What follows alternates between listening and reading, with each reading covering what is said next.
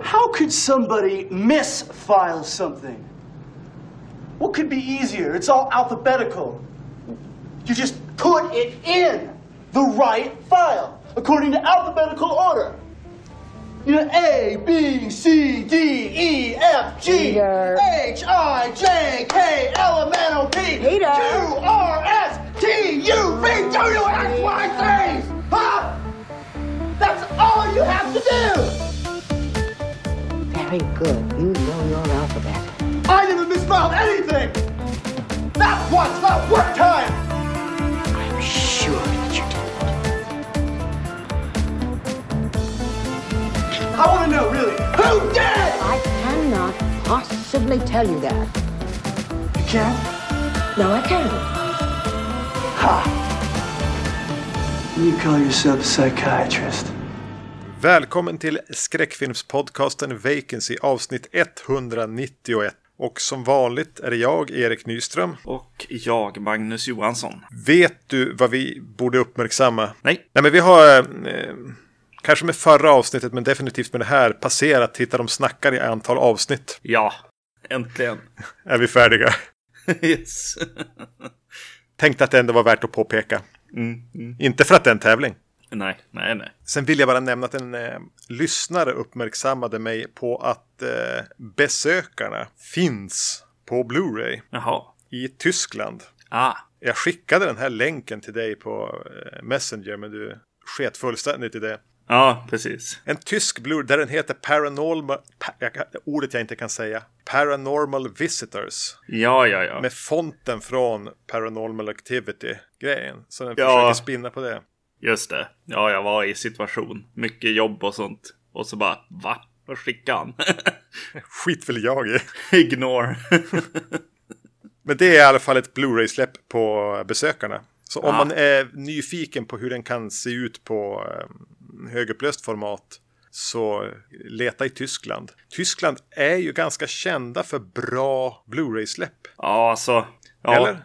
Nej, det var väl stora, stora fina förpackningar känns det mer som än, än själva utgåvorna i sig. Alltså just att transfern brukar vara bra. Ja, okej.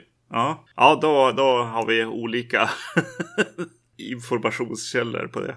Det är många som ogillar dem också. Det jag brukar ogilla med tyska utgåvor är att texten står åt fel håll på ryggen. Och att det står på tyska. Jag har ingen direkt åsikt där. Ibland köper jag en utgåva eh, bara för att eh, strax därefter så släpper liksom Arrow eller någon, någon slags fin utgåva av eh, filmen också. På, på tal om vart vi ska komma i det här avsnittet lite senare. Men eh, så om det är någon som har köpt den här tyska utgåvan av besökarna och, och eh, har någonting att säga om kvaliteten på, på transfern så tar vi gärna emot det.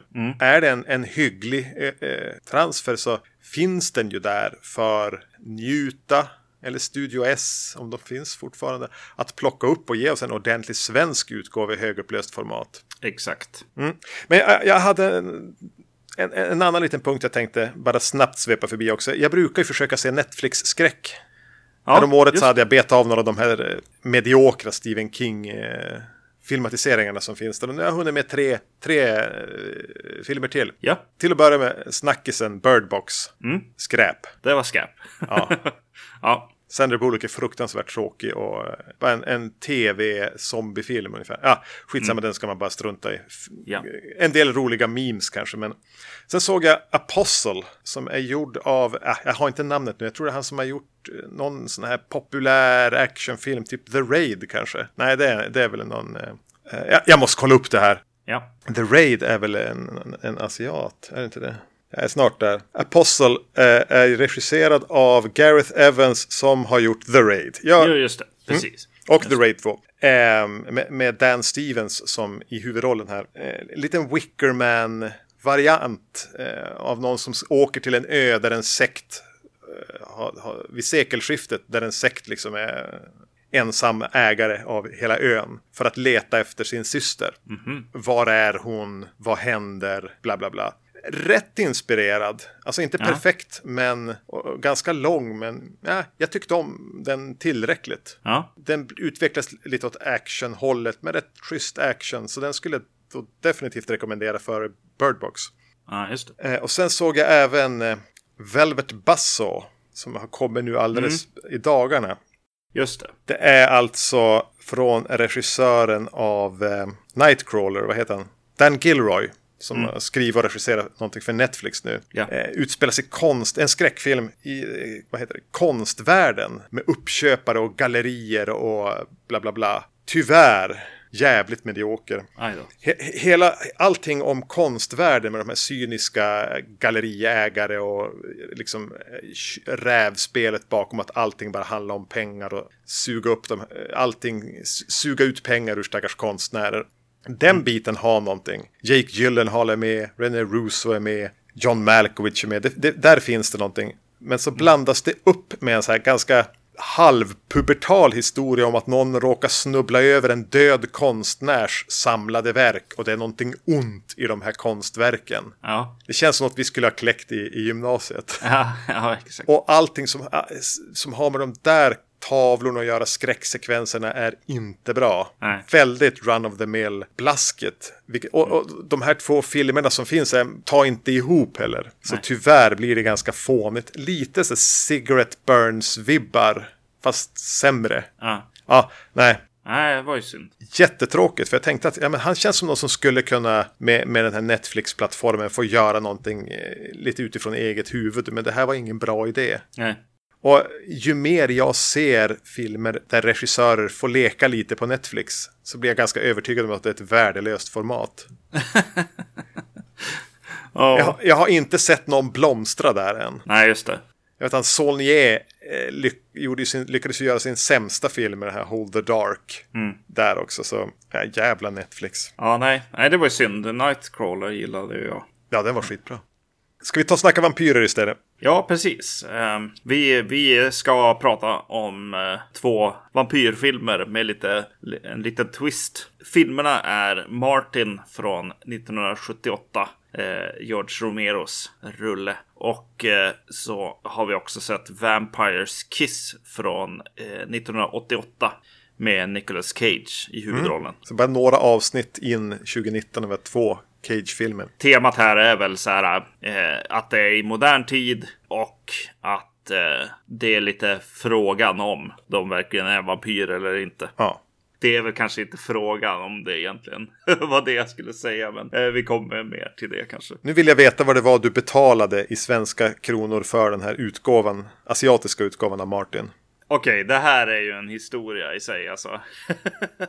det släpptes en, en utgåva då till slut av eh, Blu-ray utgåva av Martin som vi har väntat. Och, eh, eller jag i alla fall. Den kostar ju typ över 400 och så sen själva frakt och du vet ta in saker i, i Sverige kostar ju liksom en hundring till I guess. Eh, jag sätter in den i min Blu-ray-spelare och trycker på play och Blu-ray-spelaren bara går tillbaks till sin huvudmeny igen. Eh, så jag kunde inte spela den. Han bara, vad, va fan. Ja, det var lite snopet. Eh, Så kan det gå. Jag fick hålla till godo med Arrow släppte ju Martin i någon halv... Alltså det är ganska mycket extra material på den men det är någonting med att formatet är fel tror jag. Bildsnittet är inte riktigt, den här ska inte riktigt vara i en 16.9, den ska vara lite fyrkantigare. Ja, Tror jag. Men, men samtidigt visst nåddes vi även av nyheterna att eh, den kommer att släppas i USA i alla fall i, under året. just det. Så den är på, på G helt enkelt. Mm, och det kan vi tacka dig för. Ja, precis. Det brukar bli så. Jag köpte ju, vad heter den? Kill Baby Kill. Och det var väl en tysk utgåva tror jag. Som, som sen släpptes månaden efter av Arrow va? Jo, det är Arrow. Just det. Så om det är någon film som ni verkligen vill ska komma i en rimligt prissatt amerikansk eller europeisk utgåva och som finns utgiven någon annanstans i världen. Be Magnus köpa den, för då kommer den. Exakt. Jo. Då är det bara utannonsering eh, veckan efter jag har beställt. Brukar vara så. Vad ska du göra med den där japanska? Ja, jag får ju höra av mig. Alltså, jag har ju en regionsfri spelare också. Jag, hopp- jag håller lite tummarna på att det är något, något fel. Jag har inte provat med någon annan disk heller. Så kanske spelar, men... Eller, ja, det ska jag inte hoppas på i och för sig, men... eh, ja, jag får väl höra av mig. Se, se om det går. Skicka tillbaks den. Fan vad jobbigt. Ja, jo. Ja, Jag kommer inte göra det heller, för jag orkar inte. Men, men. Ja, det är, eh, det är ett fint omslag i alla fall. Något du kan begravas med sen. nu. Just det. Ja. Eh, vi, vi börjar väl att prata om Martin antar jag. ja, precis. Det gör vi. Skriven och regisserad av eh, George Romero. Handlar om en ung man. Ni kan gissa vad han heter. Som kommer till Pittsburgh för att bo hos sin kusin. Eh, och den här unge mannen verkar ha drabbats av en familjeförbannelse. Ge- Nämligen att vara en odöd vampyr. Men en lite modernare vampyr. Han har inte tänder, han är inte rädd för kors eller vitlök. Och han behöver använda sig av typ rakblad och annat för att komma åt eh, blod. Eller är det bara så att han är en jävla eh, uppfuckad ung man som har tittat för mycket på film eller är i något gränspsykotiskt tillstånd. Det här var en, en Magnus-film för mig förresten. Ja, just det. Eh, eh, som du tjatade på om och tryckte någon gammal, säkert också svindyr VHS-kopia. Köp-VHS i i näven på mig. Jag skulle säga att det var ungefär i samma veva som du förmådde mig att se Suspiria. Ja. Att det här var lite, ja men nu, nu har vi sett klart på fredag den 13 filmerna. Eh, och du behöver sluta bara jaga Robert Altman-filmer nu. Eh, Pretto-student Erik. flytta flyttar hemifrån. Se lite skräckfilm nu. Ja. Se Suspiria och Martin. Jag, jag klumpar ihop dem lite grann så. Och att jag minns att jag tyckte om den då. Att den, men att den kommer med en ganska kraftig hype från din sida. Ja, jag var ju väldigt eh, kär i den här filmen. Och det var första gången jag såg den. Jag tyckte den var väldigt eh, bra. Precis på samma sätt som eh, Night of the Living Dead gjorde liksom. Och, och Dawn of the Dead också. Nämnas bör att du var något av en Romero-fanboy vid den här tidpunkten. Ja, verkligen. Jag vet inte om så mycket har förändrats där heller kanske. Nej, precis. Det är... Nej, så är det nog inte. Alltså, jag vill bara... Jag köpte den här heter det, utgåvan, eh, vad heter den? Den här boxen som Arrow släppte som var så här Between Night and Dawn eller vad den heter. Ja, Med tre filmer som han gjorde då mellan. Som jag aldrig har tagit med an och se. Och jag har fortfarande inte sett någon av de filmerna. Men mest var man ju sur på den boxen att den inte hade Martin med sig. ja för den ska ju vara där. Eh, exakt. Den eh, är ju gjord däremellan. Just innan Dawn of the Dead släpptes. För visst är de släppta samma år? Exakt, jo. Jag tror att ibland har Martin haft 77 som eh, releaseår. Jag har sett några brukar det stå 77. Ja, just det. Men det har väl med så filmfestivaler eller någon, någon liten jävla visning i Venezuela eller något sånt där som gör att man kan se lite olika. Mm. Jag vill hoppa in i det här va? Ja, precis. Eh, filmen öppnar ju med hans resa då till, till Pittsburgh. Och eh, han hoppar på ett tåg. Jävligt pang på här. Ja, och eh, dödar en kvinna. ja, här har jag blivit lite äldre kanske och kanske sett lite för mycket true crime och grejer. Men eh, alltså den är ganska chockande och jobbig scen, tycker jag. Den eftersträvar ju någon slags realism. Alltså han smyger in i hennes kupé, smyger runt i tåget, spanar in henne, träng, eller smyger in i kupén, gömmer sig och ger henne en injektion av något slag. Alltså med någon sömnmedel eller vad det är. Men det tar ju tid för det där att verka också, vilket gör att det blir en ganska lång kamp mellan dem. När hon försöker bara slå sig fri. Och, och hur ska man reagera med att det står en man där liksom helt plötsligt bak i dörren? Hon är inte liksom så här bara börja skrika och så utan alltså ska man vara lite artig eller oj blev det något fel? Alltså man vet inte riktigt vad situationen är förrän det är för sent. Så det finns, finns någon slags otäckt, eh, lite verkligt så här som slår på en. Ja just det, va? Vad skulle jag göra? Jag tänkte på det bara i, i morse så gick jag till jobbet via en tunnel och lite sånt där. Och så började jag tänka på att bli, om det kommer någon och ska råna en. Hur skulle jag reagera då? Ja, det har jag inte någon, något hum om överhuvudtaget faktiskt. Ingen plan ens insåg jag när jag gick. det, det är inget jag har någon slags så här. Så här skulle jag reagera i den situationen. Och så sen såg jag Martin eh, dagen innan I guess. Och det är väl kanske det som påverkade de tankarna lite grann. Den här scenen. Och det är någonting med, med tåg också som gör att den är definitivt, de har inte byggt en kupékuliss här. Nej. Utan de är mycket på ett tåg och spelar in. Och det, det är någonting, lite, lite magi över det. Filmer på tåg, det blir ofta bra. Men ganska mycket att de tvingas anpassa och, och använda kreativiteten för att få till bilderna i de här trånga utrymmena. Och det tycker jag gör att den här får en, en så realistisk nerv.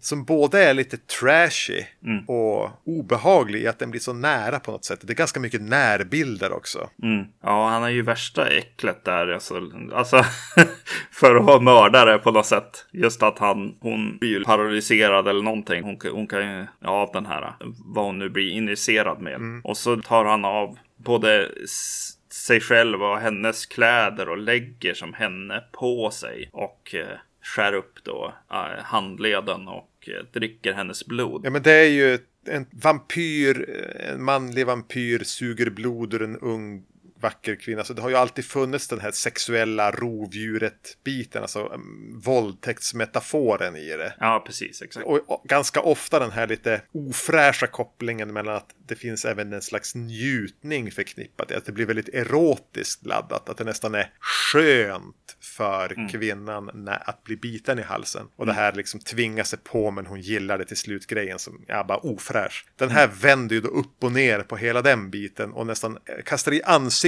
på en som tittar att ja men det är ju ett sexuellt övergrepp. Ja, precis. Det blir som så här kallt här och, och fumligt och tydligt att det här är lika mycket en, eh, att han dricker hennes blod som att han på något sätt våldtar henne. Ja, där Christopher Lee och, och grabbarna liksom stirrar på, på folk och, och eller på kvinnor och eh, trollbinder dem så eh, eh, sprutar Martin in eh, något slags sömnmedel i princip. Mm. Ja, precis. Och redan när vi börjar prata nu så blir det ju så här.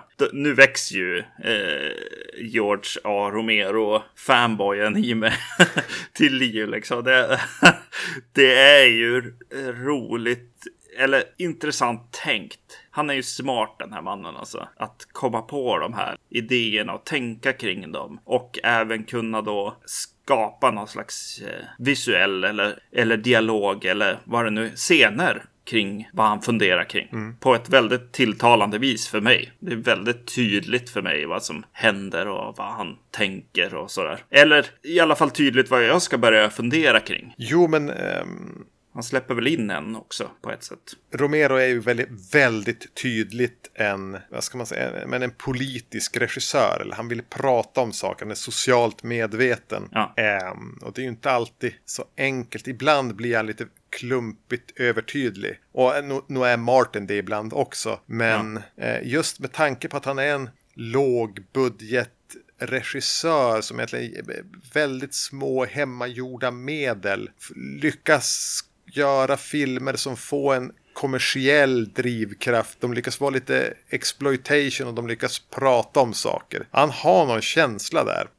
Martin är ju inte samma briljant sammanhållna atombomb som Night of the Living Dead är.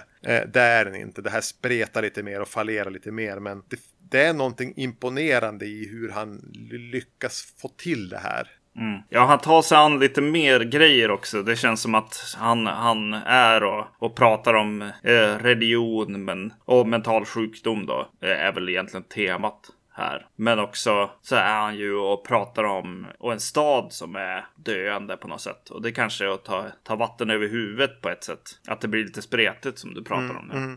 Jo, och den här är ju tydligen ne- ner, alltså, och hans första klippning var väl närmare tre timmar lång. Så han fått trimma ner till den här, vad är den? 90 minuter. Ja, Så han har typ klippt bort hälften. Eh, och det tycker jag också märks lite grann. Ja, De flesta av hans filmer kretsar ju kring Pittsburgh. Ja. Eh, och det är ju den stora industristaden. Där Mm. industrierna under 70-talet, så här, efter energikrisen i början av 70-talet var ganska drabbade med massarbetslöshet och liknande. Mm. Så jag menar, Pittsburgh var väl i, har väl i perioder varit lite grann, jag menar, det Detroit är nu, eller de kanske också är på väg upp ur det, men ja, när den kommer vidare filmen här också så blir den ju en ganska lång stadsvandring. ja. Han kliver av tåget och möts upp av den här eh, kusinen. Men, och så tar de ett till tåg och promenerar genom ja, men ett härligt 70-tals Pittsburgh. Där man verkligen får en känsla av att här ska staden få, staden och ensamheten eh, är någon slags teman här. Alltså att, att Martin är en, eh, utanför samhället, en baksida. Och det är någonting med hela den här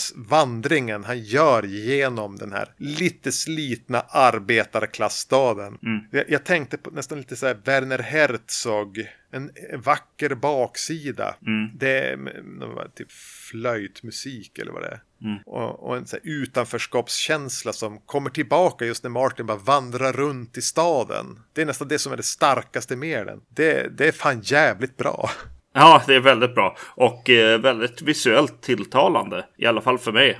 Det blir ett väldigt snyggt, eh, ja, visuellt världsbyggande liksom, som pågår här. Och just de här bruna tonerna som, som kommer. Men eh, i filmen. rostfärgad på något vis. Just det. Eh, en, till sak som den påminner om är väl England på ett sätt och Monty Python på ett sätt. Ja, ja, med lite det här kalla solljuset. Ja. Platta solljuset. Och sen...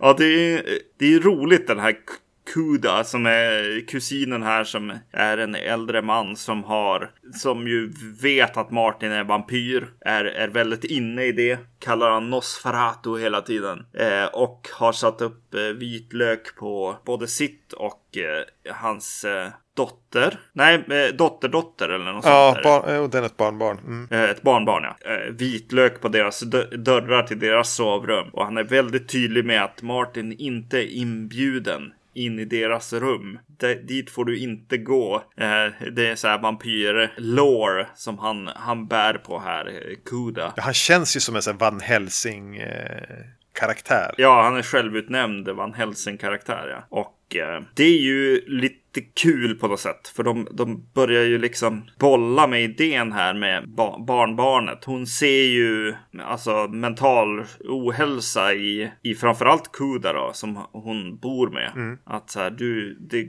det går en, en viss så här, mental sjukdom i, i familjen. Och du har den ju definitivt, säger hon till, till honom. Och det pratas ju om den här familjeförbannelsen som ärvs ner. Och är det då liksom psykisk ohälsa eller är det vampyrism? Exakt. Jag tycker att det är väldigt eh, häftigt att de börjar prata om, om de grejerna och tänka kring dem om eh, psykisk ohälsa. Och sen att filmen kommer till en punkt också där hon eh, förstår eller inser att hon har farit illa och måste liksom, nej jag måste nog lämna det här och dra därifrån liksom. Och då får man ju en stark känsla av att jaha, nu är de lämnade här. Martin och Kuda i, i det här huset där psykisk ohälsa får liksom gro- har grott två, två män som är som ju är liksom sjuka. Ja, det är som ok- lite oklart varför ens Martin kommer och ska bo hos honom.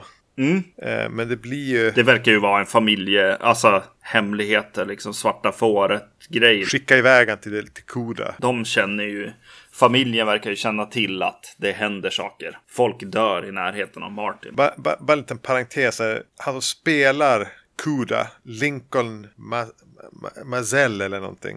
Eh, han är ganska gammal. Jag kollade upp det att han var 75 när han gjorde Martin. Så tänkte jag, ja men det här är väl en typisk som det här blev hans sista film. Ja. Trodde jag. när jag upptäckte att han dog alltså 2009. Ah. Tre år innan vi, innan vi startade podden. Just det. 106 år gammal. Oj. Ja. Han gjorde inte mycket filmen. Eh, och sen John Amplas som spelar Martin. Ja. Verkar få göra lite små gig eh, som någon slags sk- skräckfilmsskådis. Men jag visste inte att han var med i Creepshow. Ja, just det. Jo. Det är han som, som vill ha sin birthday cake. Yes. Han spelar ett lik i princip med väldigt mycket makeup. Men vad tycker du om, om John Amplas som Martin? Jag tycker det är skitbra. Jag tycker han funkar skitbra. Jag vet inte. det känns som att du blev alldeles tyst. men men nej, jag, jag, nej, alltså jag, jag, jag var till en början så skeptisk och bara, att, ja, men han, varför skulle han nödvändigtvis vara den här lite unga 70-tals snygga popkillen. Men Mm. ju mer man ser den desto mer så känns han som en genuin outsider. Ja. Eh, Och, och lite tom och trevande. Ja, och, väldigt ja. trevande. Så nej, jag tycker han fungerar bra. Det gör han. Eh, men jag kände i början, hade jag dåliga vibbar, tänkte på kommer den här filmen och måste dras med en person som inte borde ha haft huvudrollen. Nej, just det. För just det, så kan man ju tänka. För han känns ju osäker Ja. i mycket. Men det är ju vad han är. det känns som att han, han är outsider helt enkelt. Man får in, inget riktigt så här bra grepp på honom. Han är inte ond och han är inte liksom hjälte och han är inte, alltså det är bara lite utan, utanför helt enkelt. Han kanske räddas lite av att han inte har många repliker. Ja, exakt, just det. För ska man säga någonting negativt om den här filmen så brottas den med en hel del riktigt gräsliga repliker som de får kämpa sig igenom. Framförallt den här, det här barnbarnet är kanske den som har svårast, men jag tycker även Kuda Mm. i vissa dialogscener så märks det att repliker har väl kanske heller aldrig varit Romeros styrka. Att det blir ganska, ja, ja, vissa dialogsekvenser är fruktansvärda om du frågar mig. Ja, jag kollade på, nu blir det en massa kändis liksom skvaller I guess. Men jag kollade på Romero för den här barnbarnet, alltså Christine Forrest spelar eh, henne. Och eh, eh, hon var ju gift med eh, George A. Romero väldigt länge. Så jag tog, tvungen att kolla om hon liksom, om de var gifta när han gick bort och så. Men det, det, då hade de skilt sig liksom. Och då såg jag att eh, Romero hade en fru innan som skilde sig från, eller de skilde sig 1978 när den här filmen är gjord. Så det känns lite lite grann som att de kanske träffades där på det sätt. Och hennes pojkvän i filmen är Tom Savini för övrigt. Ja, just Jag det. är alltid förvånad hur tidigt, alltså att det finns alltid en till film ännu äldre där Tom Savini dyker upp. Mm. Hur långt bak kan man backa och hitta Tom Savini? Just det. Ja. Han är ju den alltid är, men ja, varken bra eller dålig, han är bara Tom Savini. Ja, precis. Jo, men jag tycker att de här kringkaraktärerna, eh, många av dem är inte bra heller. Hon och Savini, alltså han är ju bara som där. Fyller, fyller skor liksom. Eh, höll jag på att säga. Som behövs. Däremot tycker jag att det dyker upp en eh, eh, övergiven hemmafru. Ja. Mrs Santini. Och skådisen heter eh, Eliane Nadeau. Bara gjort den här filmen. Och hon tycker jag är skitbra. Ja, hon är väldigt bra. Just det, precis. Och hon är ju liksom, har, har ju definitivt någon slags depression och lite så här självdestruktiv syn på livet på något sätt. Får för sig att ja, men det, jag tar hit den här unga, unga killen och har sex med honom i princip. För varför inte? Ja. Och lite att de kanske, för de är två ganska ensamma människor. Ja, Att de hittar varandra i det. Och, ja, men hon eh, säljer så bra in den här uppgivna, deprimerade, övergivna hemmafrun. Mm.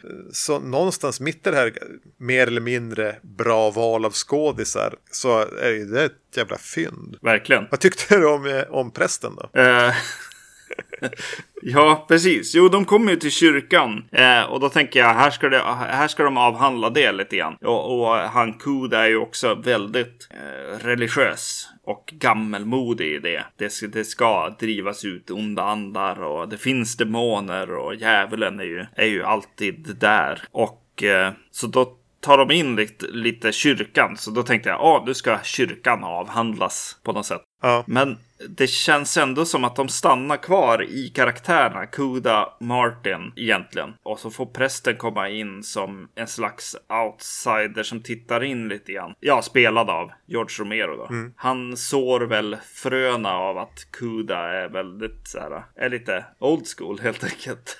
Prästen är mer intresserad av eh, olika viner och, och efterrättsvinet och sådana saker än eh, gamla sägner på något sätt. Det är en ganska modern prälle egentligen. Eh, exakt, just det. Det jag tyckte var kul med att se Romero så här var att jag vet inte om det var på podden vi pratade eller om, om det eller om det var utanför podden att när, när Romero dog att alla bilder jag har sett på honom så får jag en känsla av att han, att han var så liten.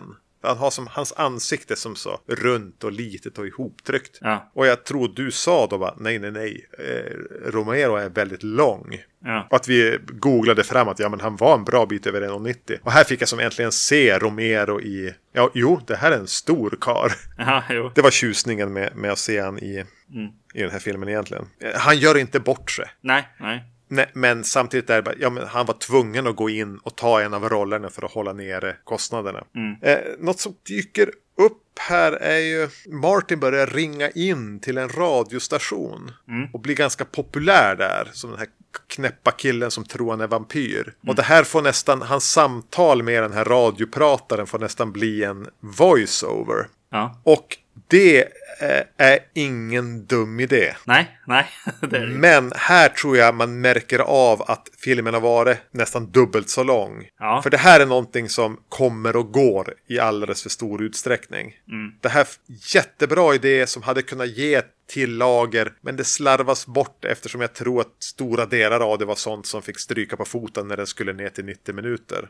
Och det är synd. Ja. För det finns idéer i, i det som är så pass bra att det borde inte ha behandlats så här. Nej. Nu blev det nästan en distraktion, att det kom och gick som det gjorde. Men den blir ju också en del i någonting som jag kanske inte har tänkt på så himla mycket när det kommer till eh, Romero. Romero har jag tänkt på mer eh, i det visuella i klippning och, och pacing och sånt. Än, snarare än liksom att det är fint foto och så. Men den här har ju, har ju som alla delar. Eh, Nu pratar jag om fotot. Det eh, kommer av kanske av att, att radiorösten är, är fotografen som, som gör. eh, Ja, Det var bra att du förtydligade den associationen, för jag var inte med. Just det. Men, men just att, att de här eh, radiodelen liksom och voiceovern och sånt, att, att det finns bilder, att det blir ju ett annat sätt att berätta. Han, han kan helt plötsligt komma in i ett sånt här samtal med radiosnubben och ha skräckelement eller tankar kring, kring vad Martin gör. Liksom tiden går på, en, på, en, på ett annat sätt. Medan filmen ibland har liksom set pieces med eh, action och skräck set pieces. Home invasion sekvenser och annat.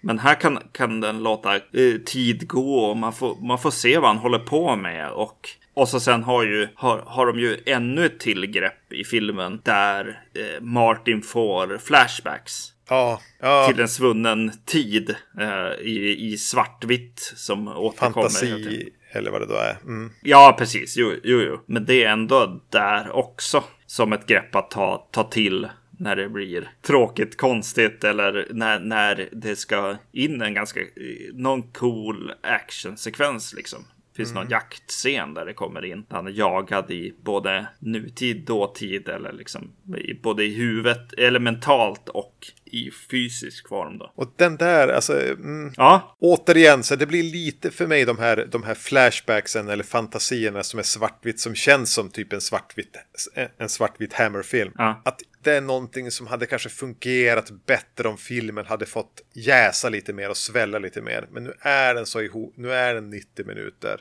Det där blir mer en, en, en, retning av någonting som hade kunnat vara bra än att än att det är att jag verkligen gillar det. Jag hade eh, gott och väl klarat mig utan de där sekvenserna. hans mentala bild av vad som pågår. Ja, det blir eller- nästan för mycket utifrån att den är så kort. Det hade, jag hade behövt få utveckla det mer, kanske. Jag vet inte. Jag tycker inte det tillför. Samtidigt störde jag mig inte på det. är lite grann som radiogrejen här. Ja. Det är där. Men jag vet inte om det för mig gör filmen bättre. Ja, jag, jag, jag tycker det. Jag, jag tycker den blir bättre för att det, den blir bättre. Om de, om de inte hade varit där så hade den varit lite för enkel. Alltså jag tror att man måste få komma ut ur salongen och, och tro något annat om filmen. Som i Night of the Living Dead. Bara, ja men zombiesarna var ju roliga. och inte ha sett på vad han faktiskt pratar om på något sätt. Och där kanske för mig då att den hade behövt få vara 20 minuter till. Mm, just det. För att de där idéerna skulle jordas lite mer.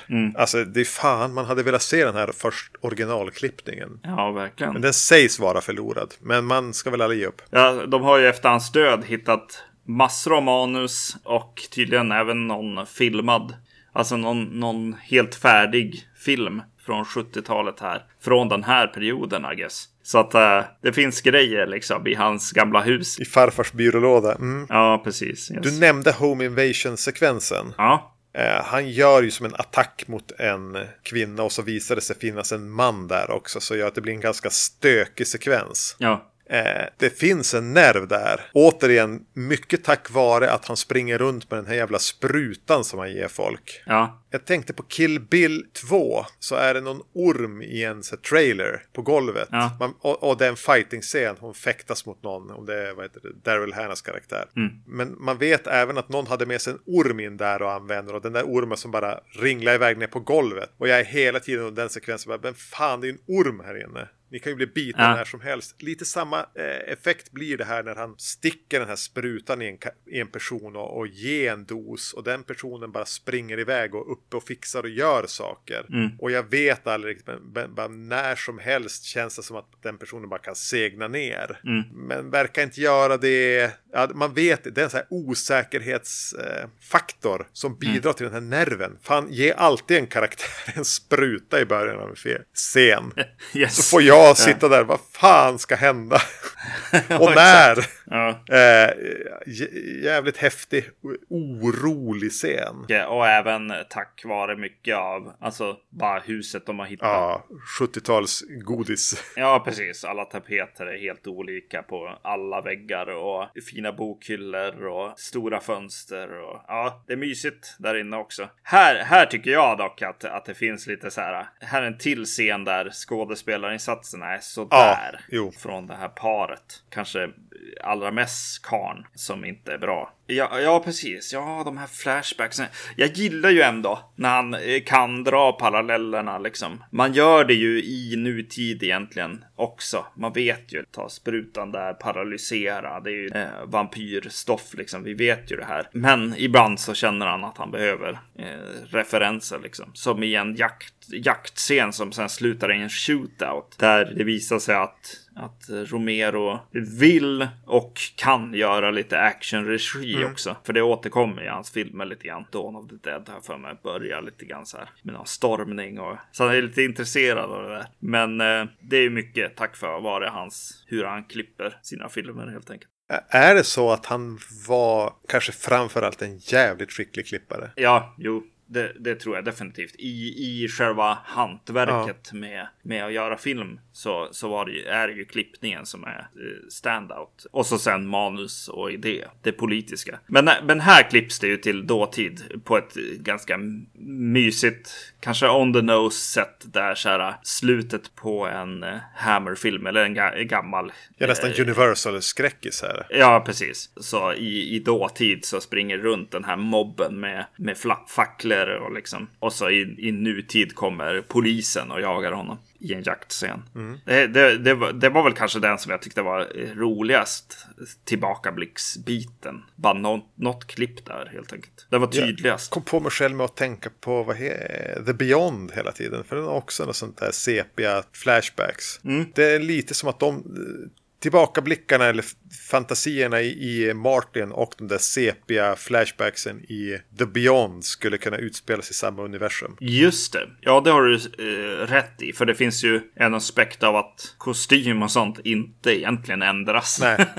Han kammar håret lite mer vattenkammat. Ja, Li- lite mindre som att han skulle spela bas i The Doors. Och lite mer som att han skulle vara med i Downton Abbey eller någonting. Ja. kanske lite kråsigare skjorta. Eh, nej, men alltså jag eh, fick inga, ingen sämre upplevelse kan jag säga. Jag är lika, om inte ens lite ännu gladare, förutom skådespeleriet skulle jag säga. Skådespeleriet och eh, en del repliker. Och, och då tänker jag att det inte bara ligger i skådespelare utan att en, en del repliker är jävligt trubbiga alltså. Replikskiften. Ja, precis. Jo, men rent så här hela grejen på något sätt. Hur, hur otrevlig han är. Eller otäcka hans attacker är. Men han är huvudrollen.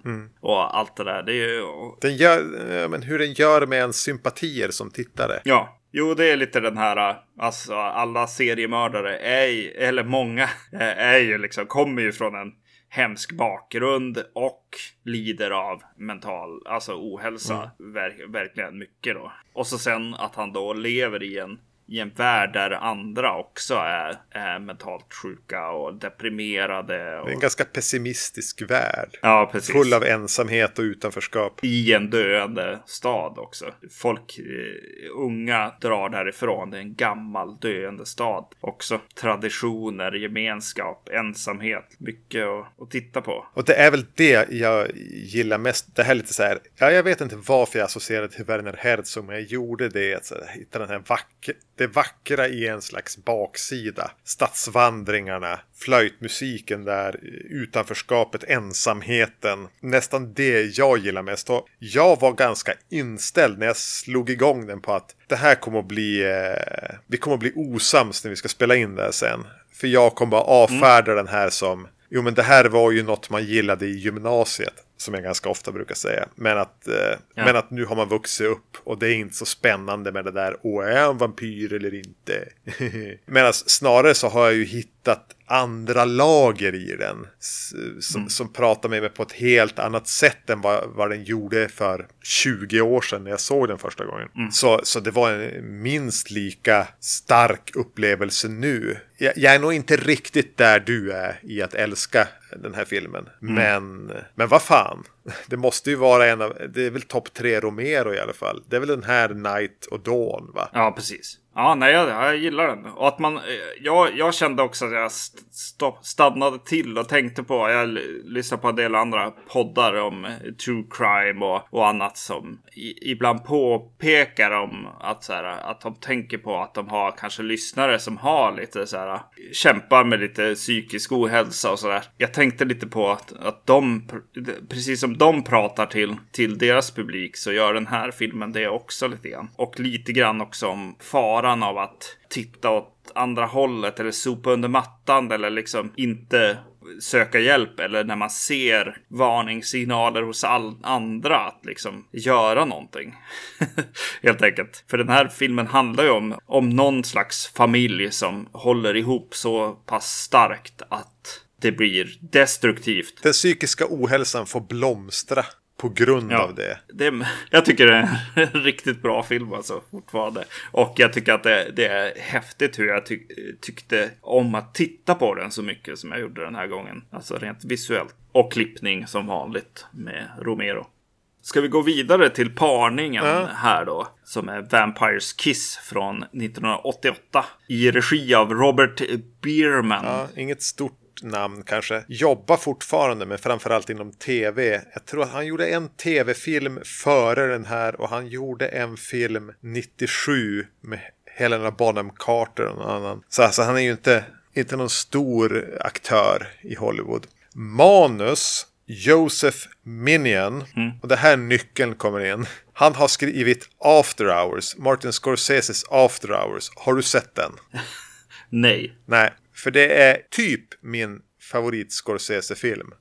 Det är en film som vi borde prata om på podden någon gång. Men det är också en sån här film som inte har kommit i en vettig utgåva. Ja. Något tidigt DVD-släpp för länge sedan autoprint. Kostar säkert 400-500 spänn på Ebay för en jävla DVD.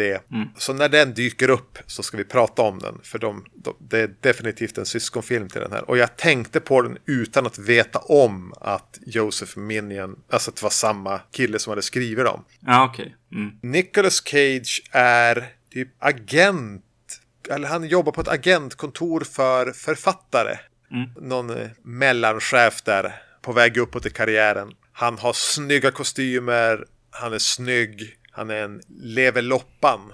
Med, med tillfälliga relationer och eh, skön stil. Tills han träffar en kvinna som biter honom i halsen. Och han tror att han håller på att förvandlas till en vampyr. Ja. Vilket väl sätter igång en slags nedåtgående spiral för honom på flera plan i livet. Ja. Eh, Vi har sett den här tillsammans åtminstone en gång tidigare. Ja.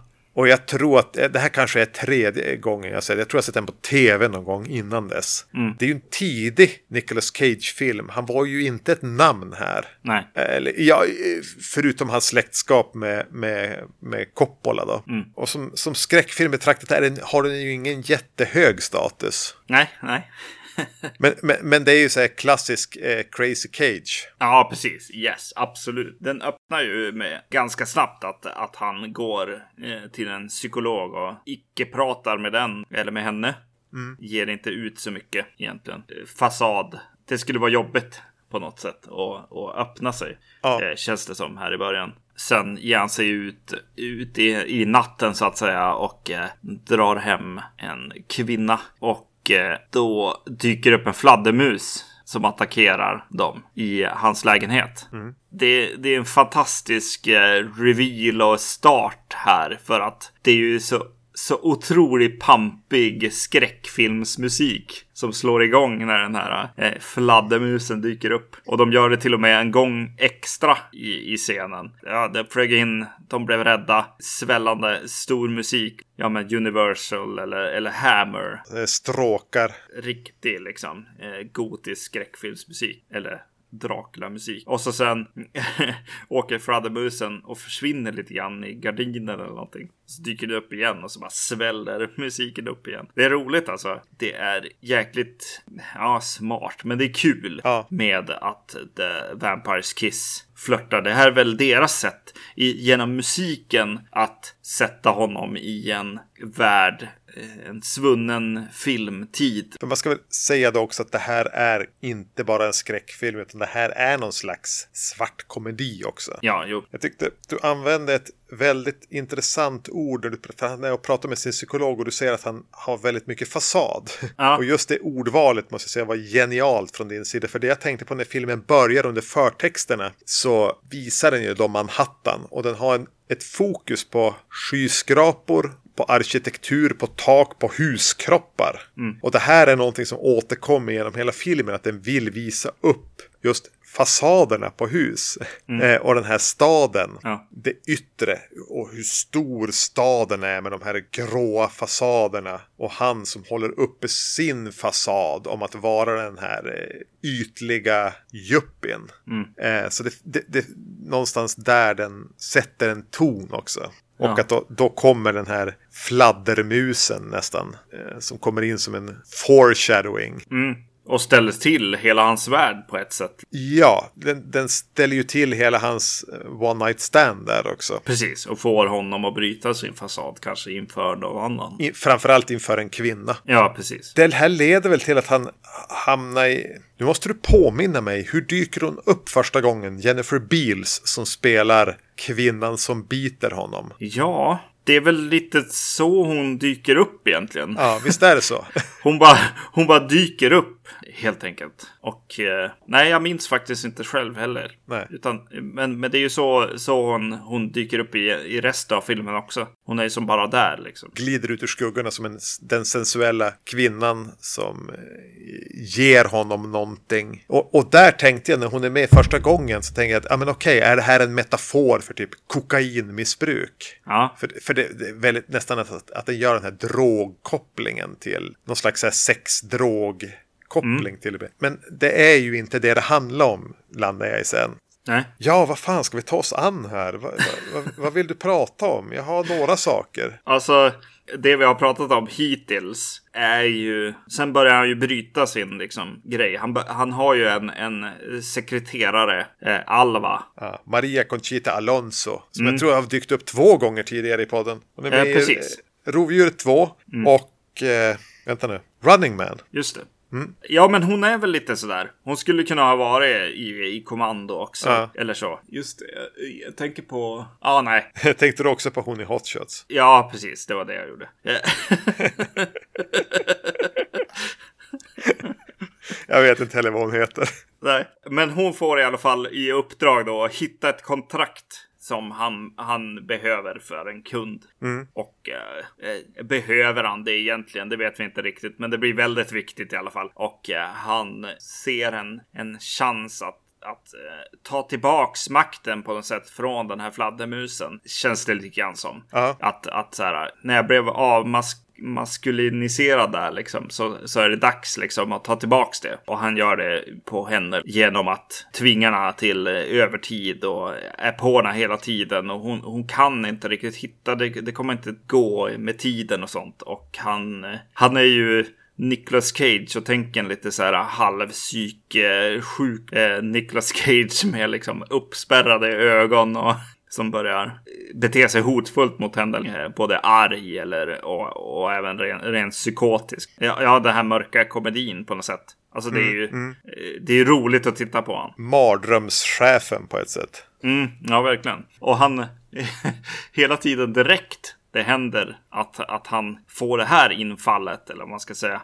utfallen, eh, så händer ju något med hans hår också. Och Nicolas Cage är ju liksom känd, eller för mig så är han håret väldigt mycket. Och han utnyttjar ju det väldigt mycket i den här filmen. Ja, men den där Alltså, Nicolas Cage-frisyren som han hade typ från den här filmen och fram till det att han blev tunnhårig. ja, Ibland blev det längre. Men det blir i princip så här i från scen till scen att så här, han har en liten backslick eh, som direkt faller sönder och, och blir någon slags eh, page. här. Det är roligt att titta på på något sätt. Och hur den där backslicken kan som pendla mellan att vara en så här yuppie backslick, tänk Ja. då men American Psycho, och vara Bela Lugosi backslicken. Ja, Den, den fångar båda två i ett där. Ja, men Nicolas Cage, hans hår, hans, eh, alltså han är ju magneten i den här filmen.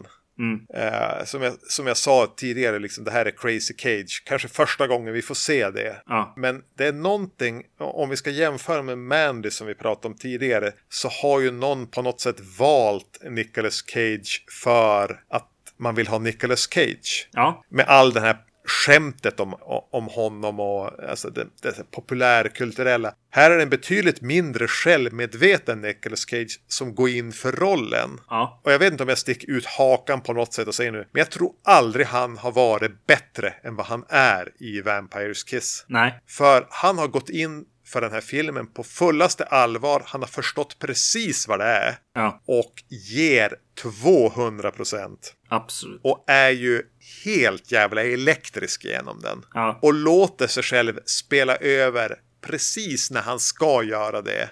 Och så plocka ner det igen när det behövs. Ja, Plus att han då kan gå tillbaka till att vara hunkig när Ja. det behövs. och Alva, Alva här får ju vara våran liksom. Får vara oss på något sätt och se det här. Och när man sätter in henne i scenen tillsammans med det här. Med honom eh, som får reagera på det. Så blir det ju ännu lite mer obehagligt eller liksom eh, jobbigt. Jag skulle inte vilja vara henne där nu. Nej. Får man ju en, en eh, stark känsla av. Shit alltså. en del av scenerna. Och så sen är han ju, ja, hos eh, psykologen är han ju briljant också.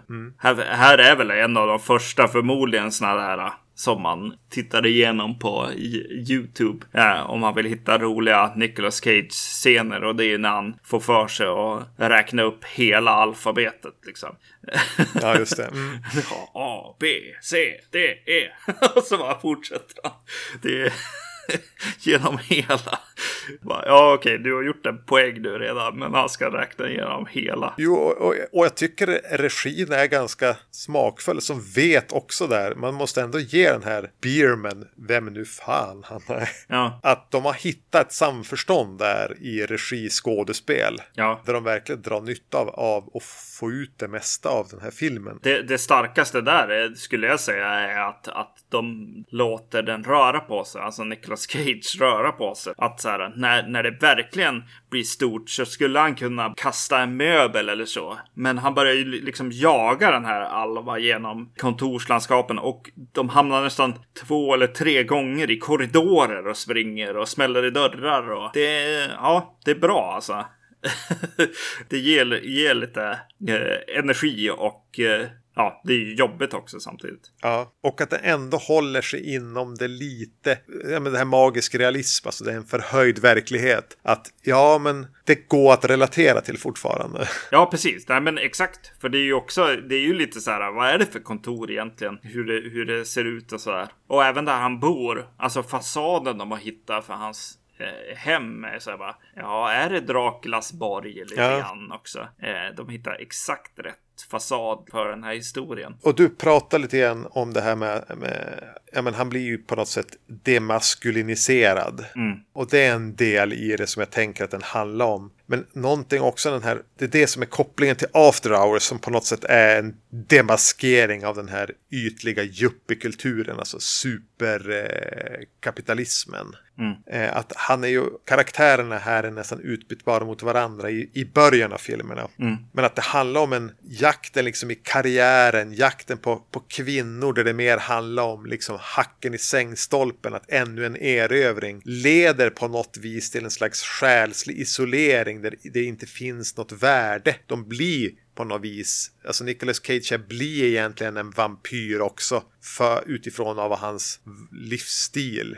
Att han blir död inombords. Han blir likväl en vampyr. Ja. Eh, att det temat finns där. Och, då, ja, men, och, och det är någonting med att den känns lite klaustrofobisk. Han känns ganska ensam hela tiden. Han har ju inga vänner. Nej. Den enda han har att prata med är någon han betalar för det. Eh, Så där finns väl också lite kopplingen till Martin här med ensamheten som båda karaktärerna är i. Martin handlar det kanske om en psykisk ohälsa. Här handlar det om de val han gör, den livsstil eller den kultur som är den förhärskande. Idealen som finns, som leder till en ensamhet. Ja, exakt. Och när han, alltså den här otroliga politiken och rädslan för varandra och öppenhet och sårbarhet eh, som finns också. Han gör ju lite övertramp så här, men i sitt boardroom där han liksom är med grabbarna. Där sitter alla bara och skrattar och håller upp maskerna allihopa liksom. Det finns ing- bara politik där inne och, och self-serving liksom. Oj, om jag säger så här, vad händer då? Och är det någon som har min rygg? Ja, nej. Utan de kan bara sitta där och skratta högt eh, för att oj, om han skrattar högt måste jag också göra det och så vidare. Och det är väl här, bland annat här då, som American Psycho kommer Ja. kommer in i huvudet också som eh, någonting som är inspirerat av det här. Eller kanske inte, men det, finns en väldigt stark connection till den filmen här. De, de hämtar ju på något sätt mörkret ur samma källa. Ja, verkligen. Yuppie-kulturgrejen och, och boardroom-grejen och klasskillnaderna på något sätt här också. Att de är va, va, vampyrerna.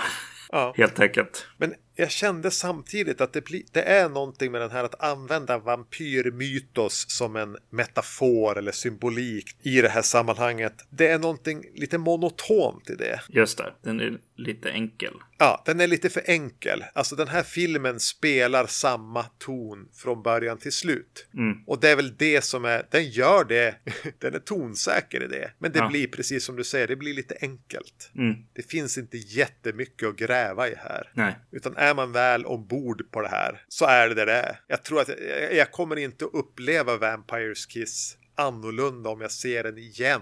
Eh, och igen och igen och igen. Nej. Men den, den, där den väl presenterar är, är rätt bra. Ja, Men den är ju inte samma, den har inte samma lager som Martin då har. nej precis. Och det blir lite en begränsning ändå. Ja, psykologen, han, Alva, eh, hennes liksom eh, familj och så. Ja, hon, har ju, hon har ju folk runt sig liksom. Ja, hon har en familj. Hon har Ja, personer alltså. som bryr sig om henne. Ja, jo, Så hon blir ju som motpolen på så sätt. ja precis. Hon har någon eh, kusin eller vad tusan det är. Eller brorsa eller vad det är. Ja, de verkar bo hemma båda två. De ser ut att vara i Brorsor, ja. 30-årsåldern båda två. Han jobbar för övrigt på Romeros Auto and Trucks Repair. Ja, jag tyckte jag såg Romeros namn på någon vägg där. Ja, Just det. Garanterat slump i det här fallet. Det Ja. var att vi, vi, vi lyckades hitta de här filmerna. Jag tror inte att det finns en, ens i närheten av en koppling eller en inspiration i Martin till den här filmen. nej, nej, nej. Nej, inte alls. Utan det är bara två personer som har kommit på ungefär lik, likvärdiga liksom, ja men referenser heter det inte.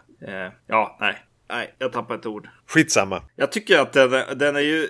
Jag tycker det är otroligt roligt med att välja att ha den här musiken. Det, det blir roligt att Nicolas Cage går hela vägen och filmen följer med honom genom att spela den här musiken. Och att, att han börjar ha solbriller på sig, känner av solen, börjar sova eh, under sin upp och nervända soffa. Liksom. Ja. F- eh, som en kista liksom. Och så den här fantastiska bilden. Så här. De, de måste bara ha varit i rummet och insett att oj vad fint dammet åker genom, genom fönstret nästan. Och står han i hörnet i, i en scen och gömmer sig för ljuset och så sen provar han att ta fram handen in i ljuset som kommer från fönstret. Ja. Otroligt häftig, eller sny, snygg bild och, och passar precis exakt vid tillfället i filmen också. Eh, Musiken är ju nästan extra kul när han väl eh, har köpt sina löständer. Ja, han tog de billigaste dessutom. Ja,